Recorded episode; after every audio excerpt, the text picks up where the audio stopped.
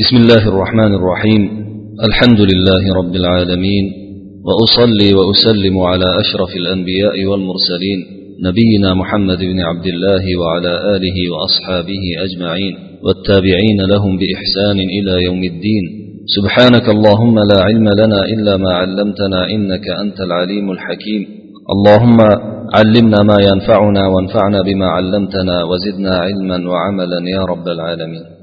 Muhtaram birodarlar o'tgan suhbatimizda payg'ambar sollallohu alayhi vasallamning najoshiy haqlariga to'rt takbir bilan janoza o'qiganliklari hamda imom suhayliyning hijratga aloqador ba'zi ahkomlarni keltirganliklarini muallif naql qilib o'tganliklari hamda bulardan olinadigan ba'zi hukmlarni birgalikda tinglagan edik.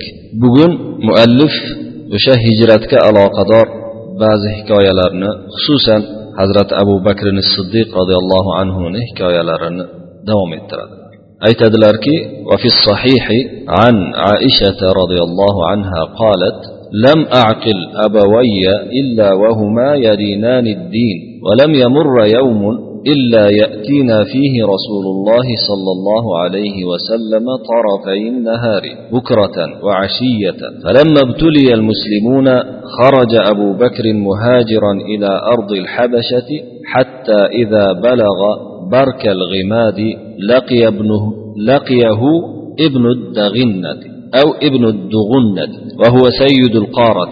فقال أين تريد يا أبا بكر؟ فقال أبو بكر أخرجني قومي فأريد أن أسيح في الأرض فأعبد ربي صحيح ذاك للشة يعني إمام بخاري صحيح لر نظر tutilmoqda sahihda rivoyat qilinishicha oysha onamizdan u kishi shunday deydilar men ota onamni shu din ya'ni islom dini bilan dinlangan holdagina aqlimni tanigan ya'ni aqlimni tanibmanki esimni tanibmanki ular mana shu dinga sig'inar edilar islom bilan burkangan edilar. Biron bir kun, kun o'tmas ediki rasululloh sollallohu alayhi vasallam ikki marta ertalab va kechqurun kelmasalar. Ya'ni rasululloh sollallohu alayhi vasallam kun har kun o'tishi bilan ya'ni har kuni biznikiga ikki mahal ertalab va kechqurun kelib turar edilar. Mana shundan bilib olamizki hazrati abu bakr siddiqning martabalari rasululloh sollallohu alayhi vasallam huzurlarida hamda alloh subhanahu va taoloni huzurida ham o'sha hijrat vaqtidan ilgaridanoq payg'ambar sollallohu alayhi vasallamni boshlariga mana shu da'vat ishi tushishlari bilan u zot birga bo'lganliklari butun qiyinchiliklarda u zot payg'ambar sollallohu alayhi vasallamga tirgak bo'lganliklarini bilib olamiz. Mana shunday zotni ana shunday voqealardan shunday katta qahramonliklardan keyin ham shu zotni qoralaydiganlar bu zotni qizlarini ayblaydiganlar payg'ambar sallallohu alayhi vasallamni suyukli zavjalarini eng yaxshilikdan mahrum bo'lgan badbaxt kimsalar ekanligini bilib olamiz. Demak payg'ambar sallallohu alayhi vasallam haqlarida oysha onamiz mana shunday deyaptilar. Har kuni ikki mahal kelib turar edi. Musulmonlarga balolar yetgandan keyin abu bakr ya'ni dadalarini aytyaptilar habashiston yeriga qarab hijrat qilib chiqib ketdilar. Ya'ni abu bakrday zot quraysh qabilalarini orasida obro'ga ega bo'lgan boobro' hurmatga sazovor bo'lgan zot ham qiynalib qolganliklari sababli habashistonga hijrat qilishga majbur bo'ldilar. Bu degani o'sha payg'ambar sollallohu alayhi vasallamni ashoblariga kelgan qiynoqlar azoblarning ancha bir nuqtaga borib taqalganini bildiradi. Zero abu bakr oddiygina odam emas edilar. Oddiy bir temirchi oddiy bir odam bo'lganlarida ha bu musulmonlarning eng zaiflariga teginyapti deb o'ylagan bo'lar edi mana shundan bilib olamizki o'sha hazrati abu bakr hijratni iroda qilgan vaqtlarida qurayshning zulmi nihoyatda qattiq bo'lib boshlagan ekan. Musulmonlar balolanganda musulmonlarga balo musibatlar kelganida qiynoqlar avj olganida abu bakr habashiston yeri tomon hijrat qilmoqqa chiqdilar. Barkul g'imot degan joyga yetganlarida ibnu dag'inna yoki ibnu dug'unna degan odam uchrab qoldi unga barkul g'imot to'g'risida biroz ma'lumot olsak. Barkul g'imot hozirgi mamlakat ya'ni saudiya mamlakatining g'arbiy sohillari bo'ylab janub tomon makkadan janub tomon yuraverganingizda asir mintaqasi o'sha tihoma tog'liqlaridagi asir mintaqasi keladi. O'sha qizil dengiz bo'yida.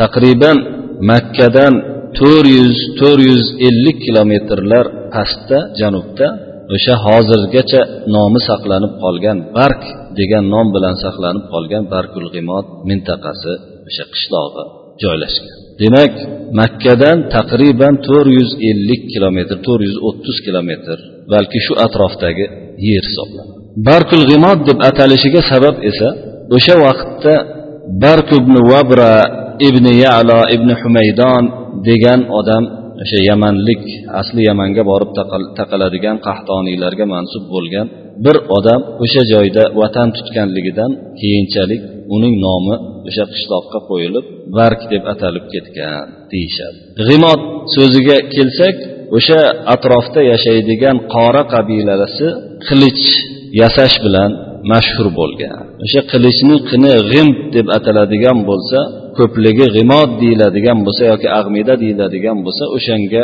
aloqador bo'lishi mumkin deydi ba'zi tarixchilar demak barkul g'imod makkadan to'rt yuz atrofida to'rt yuz kilometr atrofida pastda joylashgan joy ekan. O'sha joyga yetganida deyaptilar oysha onamiz. Unga ibnu dag'inna yoki ibnu dug'unna yoki ibnu dag'ina yoki ibnu dug'unna ibnu dig'inna degan odam uchrab qoldi. Buni bu odamni o'sha otasini ismini zabtida qanday ekanligida ixtilof bor. Hadis rivoyat qiluvchilar fatha bilan rivoyat qilishadi. Ibnu dag'inna deb atashadi. Lug'aviylar esa o'sha ahli lug'alar ya'ni arab tilini so'zlarini rivoyat qilgan mo'jamlarni rivoyat qilgan kishilar buni zamma bilan rivoyat qilishadi. Ibn dug'unna deyishadi. Qanday bo'lganda ham bu odam o'sha joydagi qabilani boshlig'i edi. Sayyidlaridan biri edi. Qora qabilasi. Shunda abu bakr mashhur bo'lganliklaridan tanidida ey abu bakr qayoqqa ketyapsiz? deb so'radi. Qayoqni xohlayapsiz? Abu bakr roziyallohu anhu qavmim meni chiqarib yubordi. Men yer yuzida bir aylanmoqchiman sayohat qilmoqchiman robbimga ibodat etib dedilar. Shunda ibn dag'inna ey abu bakr faqala ya aba bakr misluka la yakhruju va la yukhraju innaka lataksibu al-ma'duma yoki لتكسب المعدوم وتصل الرحم وتحمل الكل وتقري الضيف وتعين على نوائب الحق. فأنا لك جار. فارجع فاعبد ربك ببلادك. فارتحل معه ابن الدغنة فطاف ابن الدغنة عشية في أشراف قريش فقال لهم إن أبا بكر لا يخرج مثله ولا يخرج. أتخرجون رجلا يكسب المعدوم ويصل الرحم ويحمل الكل ويقري الضيف ويعين على نوائب الحق فلم تكذب قريش بجوار ابن الدغنة وقالوا لابن الدغنة مر أبا بكر فليعبد ربه في داره فليصلي فيها وليقرأ ما شاء ولا يؤذنا بذلك ولا يستعلن فإنا نخشى أن يفتن نساءنا وأبناءنا. shunda abu bakr unga men yer yuzida bir aylanib rabbimga ibodat qilmoqchiman deganlarida ibn dag'inna ey abu bakr sizdek odam chiqib ketmaydi chiqarib ham yuborilmaydi. Zero siz narsasi yo'q odamga kasb berasiz. Ya'ni narsasi yo'q odamga narsa berasiz. Uni holiga qaraysiz. Qarindosh urug'larni orasini ulaysiz. Qarindosh urug'chilikni rishtalarini mahkam qilasiz. Qiynalib qolgan odamni yordam berib ko'tarib yuborasiz. Ishlarini yengil qilib mehmondorchilikni joyiga qo'yasiz. Mehmonni juda izzat ikrom qilasiz. Haq yo'lida musibatlangan haq yo'lidagi musibatlarga yordam berasiz. Mana shunday odamlarga manfaatingiz doim tegib yuradigan zotsiz. Men sizga mana himoyachiman. Qayting rabbingizga o'zingizni mamlakatingizda ibodat qilavering. Deb u bilan birga ibn dag'inna safarga otlandi ya'ni qaytib makkaga otlandida. Bir kuni kechqurun yetib borgandan keyin ibn dag'inna quraysh kattalarini orasida aylanib yurib ularga shunday dedi. Abu bakrga o'xshagan kishi hech ham chiqib ketmaydi chiqarib ham yuborilmaydi deb yuqoridagi boya tarjima qilingan sifatlarini yana qaytadan sanadi. Sizlar mana shunday kishini chiqarib yubormoqchi bo'lasizlarmi? Quraysh ibn dag'innaning bu omonligini men unga omonlik berdim degandan keyin bu omonligini yolg'onga chiqarmadi. Ya'ni sening omonliging bo'lmaydi deyishmadi yoki abu bakrga omonlik yo'q deyishmadi. Ibn dag'innaga qarab abu bakrga ayting rabbiga o'zini rabbisiga uyida ibodat qilaversin namoz o'qisin xohlagan narsasini o'qisin lekin bizga aziyat bermasin. Ozor bermas. E'lon qilmas. Ya'ni e'lon qilishini o'zi ozor berish bo'lib qoladi deganda e'lon qilmas. Chunki biz bu e'lon qilishi bilan ayollarimiz farzandlarimizni fitnalantirib aldab qo'yishidan qo'rqamiz deyishdi. Ya'ni musulmon odamning o'zi bilan robbisini orasidagi bo'lgan ibodati ularni nazarida fitna sanaldi. Hazrati abu bakrdek halim zot hazrati abu bakrdek odamlarga eng manfaati tegib turadigan zot. Quraysh ichida eng hurmatga sazovor bo'lgan zot. Yuqoridagi payg'ambar sallallohu alayhi vasallamda bor bo'lgan sifatlar bu kishida ham bor edi. Shunaqa sifatli bo'lgan hislatlari keng ko'p bo'lgan. Zot bir ibodat qiladigan bo'lsalar allohga yolvoradigan bo'lsalar shu narsa ularni nazarida fitna emish aldov emish. Ya'ni ayollarimizni farzandlarimizni aldab qo'yadi. Bu degani biz aldanmaymizu shu mana aqlsizlar ularni yo'liga kirib ketib qoladida degan ma'noda shunday deyishdi. فقال ذلك ابن الدغنة لأبي بكر فلبث بذلك أبو بكر يعبد ربه في داره ثم بدا لأبي بكر فابتنى مسجدا بفناء داره فكان يصلي فيه ويقرأ القرآن فيتقصف عليه نساء المشركين وأبناؤهم يعجبون منه وينظرون إليه وكان أبو بكر رجلا بكاء لا يملك عينيه إذا قرأ القرآن فأفزع ذلك أشراف قريش من المشركين shu narsani ibn dag'inna o'sha omonlik bergan odam abu bakrga yetkazdi aytdi o'sha narsa bilan abu bakr qanoat qilgan hollarida rablariga parvardigorga o'zlarini uylarida ibodat qilib davom etdilar ibodat qilib turdilar. Keyin abu bakr roziyallohu anhuning bir masjid o'zlariga kichkina masjid qurib olish olgilari keldi. Hovlilarida ya'ni uylarini finosida maydonida hovlilarida o'zlarini chegaralarini uy chegaralarini ichida bo'lgan bir hovlilarida masjid qurib oldilar o'zlariga. Ya'ni alloh subhanahu va taologa alohida men bolalarni qiyshuvidan tashqari buyoqroqda ibodat qilaydi. Shunday bir chekkaga o'zlarini uylarini hududida hovlilariga masjid qurdilar. Unda namoz o'qir edilar qur'on o'qir edilar hozirgacha nozil bo'lgan qur'onni o'qir edilar. Bu kishini ovozlarini eshitib quraysh ayollari va ularni farzandlari jamlanib to'planib kelishar edi. Yataqassofu degani yajdamiu degani. Taqassuh. Ajablanib bu kishini ibodatlaridan o'zlaridan ajablanib u kishiga qarab to'planib kelishadigan bo'lishdi. Abu bakr roziyallohu anhu ser yig'i odam edilar yig'ilari ko'p odam. Qur'on o'qigan vaqtlarida ko'zlarini hech tuta olmay qolardi. Ko'zlariga ega bo'lmay qolar edilar. Ya'ni ko'zlari beixtiyor yoshga to'lib istasalar istamasalar duv duv yosh oqaverar edi ko'zlarida bu narsa hazrati abu bakrni bunday ibodat qilayotganlari ayollarining bu erkaklar xohlamasada farzandlariyu ayollarining u kishini holatlariga qiziqib qarayotganlari quraysh zodagonlarini mushrik quraysh zodagonlarini juda talvasaga solib qo'rqitib qo'ydi فأرسلوا إلى ابن الدغنة فقدم, فقدم عليهم فقالوا إنا كنا أجرنا أبا بكر بجوارك على أن يعبد ربه في داره وقد جاوز ذلك وابتنى مسجدا بفناء داره فأعلن بالصلاة والقراءة فيه وإنا قد خشينا أن يفتن نساءنا وأبناءنا فأته فإن أحب أن يقتصر على أن يعبد ربه في داره فعل وإن أبى إلا أن يعلن بذلك فسله أن يرد عليك ذمتك فإنا قد كرهنا أن نخفرك في ذمتك ولسنا مقرين لأبي بكر الاستعلان. Shunda bu holatdan ancha qo'rqib ketgan quraysh mushriklari zodagonlari ibn dag'innaga odam jo'natishdi. U yetib keldi ularga. Shunda ular aytishdiki biz abu bakrni sening omonliging orqali omonlik bergan edik abu bakrga. Abu bakrga sening omonliging bilan omonlik bergan edik. Toki o'zini uyini ichida rabbisiga ibodat qilsin de. Bu narsani esa u qilmadi. Bundan tajovuz qilib o'tib ketdi.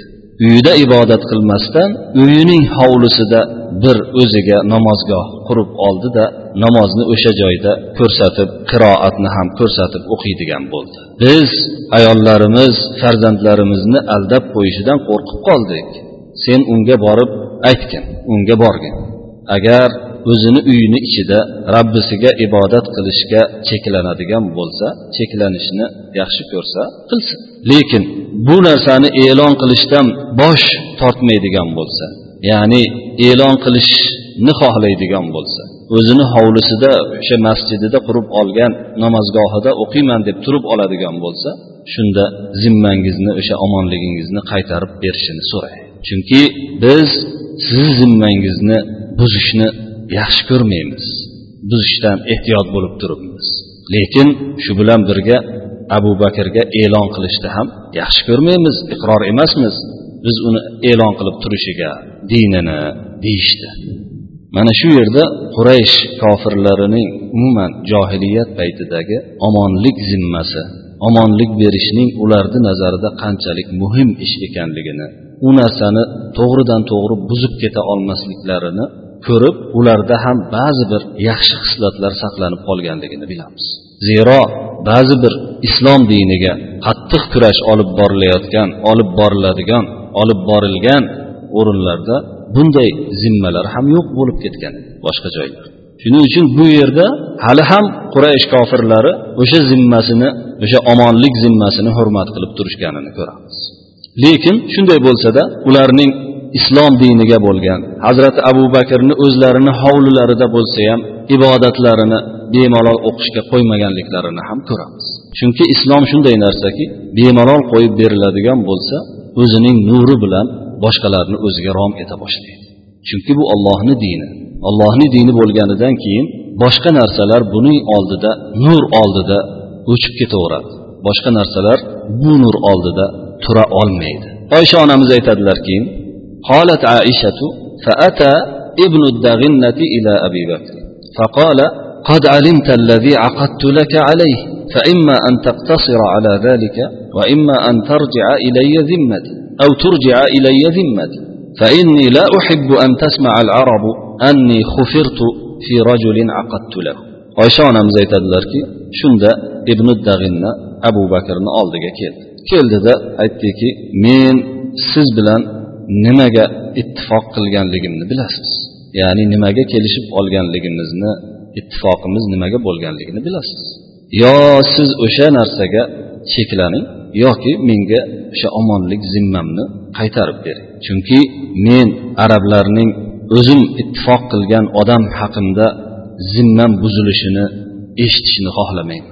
ha ibn dag'innani zimmasi arablar tomonidan buzib yuborilibdi degan gap men uchun or shuning uchun quraysh qabilasi hozir zimmangizni buzamiz deb turishibdi o'sha ittifoq qilingan narsaga kelishilmaganligi uchun shuning uchun siz o'sha uyingizni ichkarisida yo ibodat qilishga cheklaning yoki bo'lmasa meni zimmamni qaytarib bering dedi shunda abu bakr roziyallohu anhu aytdilarki faqola abu bakr فإني أرد إليك جوارك va ardo abu bakr roziyallohu anhu aytdilar bo'lmasa men sizga o'sha omonligingizni qaytarib beraman. Allohni omonligi bilan roziman allohni omonligiga dedilar. Deb imom buxoriydagi hikoya shu bilan nihoyasiga yetadi.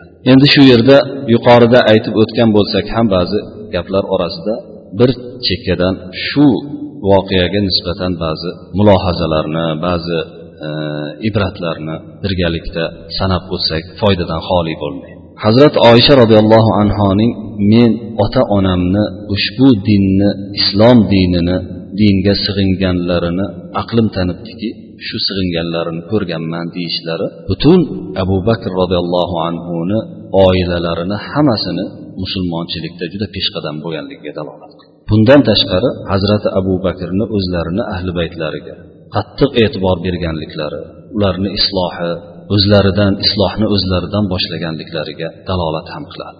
Yana hazrati rasululloh sollallohu alayhi vasallamni abu bakr roziyallohu anhuning uylariga doim kelib turishlari hatto kuniga ikki mahal kelishlari bu ikki zot o'rtasidagi aloqaning nihoyatda mustahkamligiga hazrati abu bakrni da'vat ishiga o'sha da'vat ishini tongi otishi bilanoq ya'ni da'vat ish boshlanishi bilanoq o'z hissalarini qo'shib boshlaganligiga dalolat qiladi. Yuqorida ham aytib o'tdik abu bakrni makkadan chiqib ketishga bo'lgan harakatlari quraysh zodagonlarini musulmonlarga bo'lgan qiynoqlari tazyiqlari nechog'li baland bo'lib ketganligiga dalolat qiladi. Keyin o'sha shu yerda yana bir nuqtani aytib o'tish kerakki musulmon kishi uchun eng katta qoidalardan biri dinini salomat bo'lishi boshqa hamma narsadan ustun turishi kerak. Agar diniga nisbatan bir xatarni sezib qoladigan bo'lsa o'zining mamlakati o'zining ya'ni diyoridan hijrat qilib bo'lsa ham mol dunyosidan kechib bo'lsa ham o'sha dinini saqlab qolishi kerak bo'ladi. Shuning uchun ham hazrat abu bakr o'zlarini diyorlari makka bo'lishiga qaramasdan dinlarini saqlab qolish uchun o'sha makkadan uzoqlarga ketishga majbur bo'lgan edilar. Keyin yuqorida ham aytib o'tildi payg'ambarimiz sollallohu alayhi vasallamni sifatlari bilan hazrati abu bakrni sifatlarini bir biriga o'xshashligiga e'tibor bersangiz. Payg'ambar sollallohu alayhi vasallam haqlarida hadijani hadija roziyallohu anhuni so'zlari o'tganligini eslaysiz ilgarigi suhbatlarimiz. Ha? Hech qachon sizni alloh subhanahu va taolo bunday qiyin holga tashlab qo'ymaydi qo'ymaydi.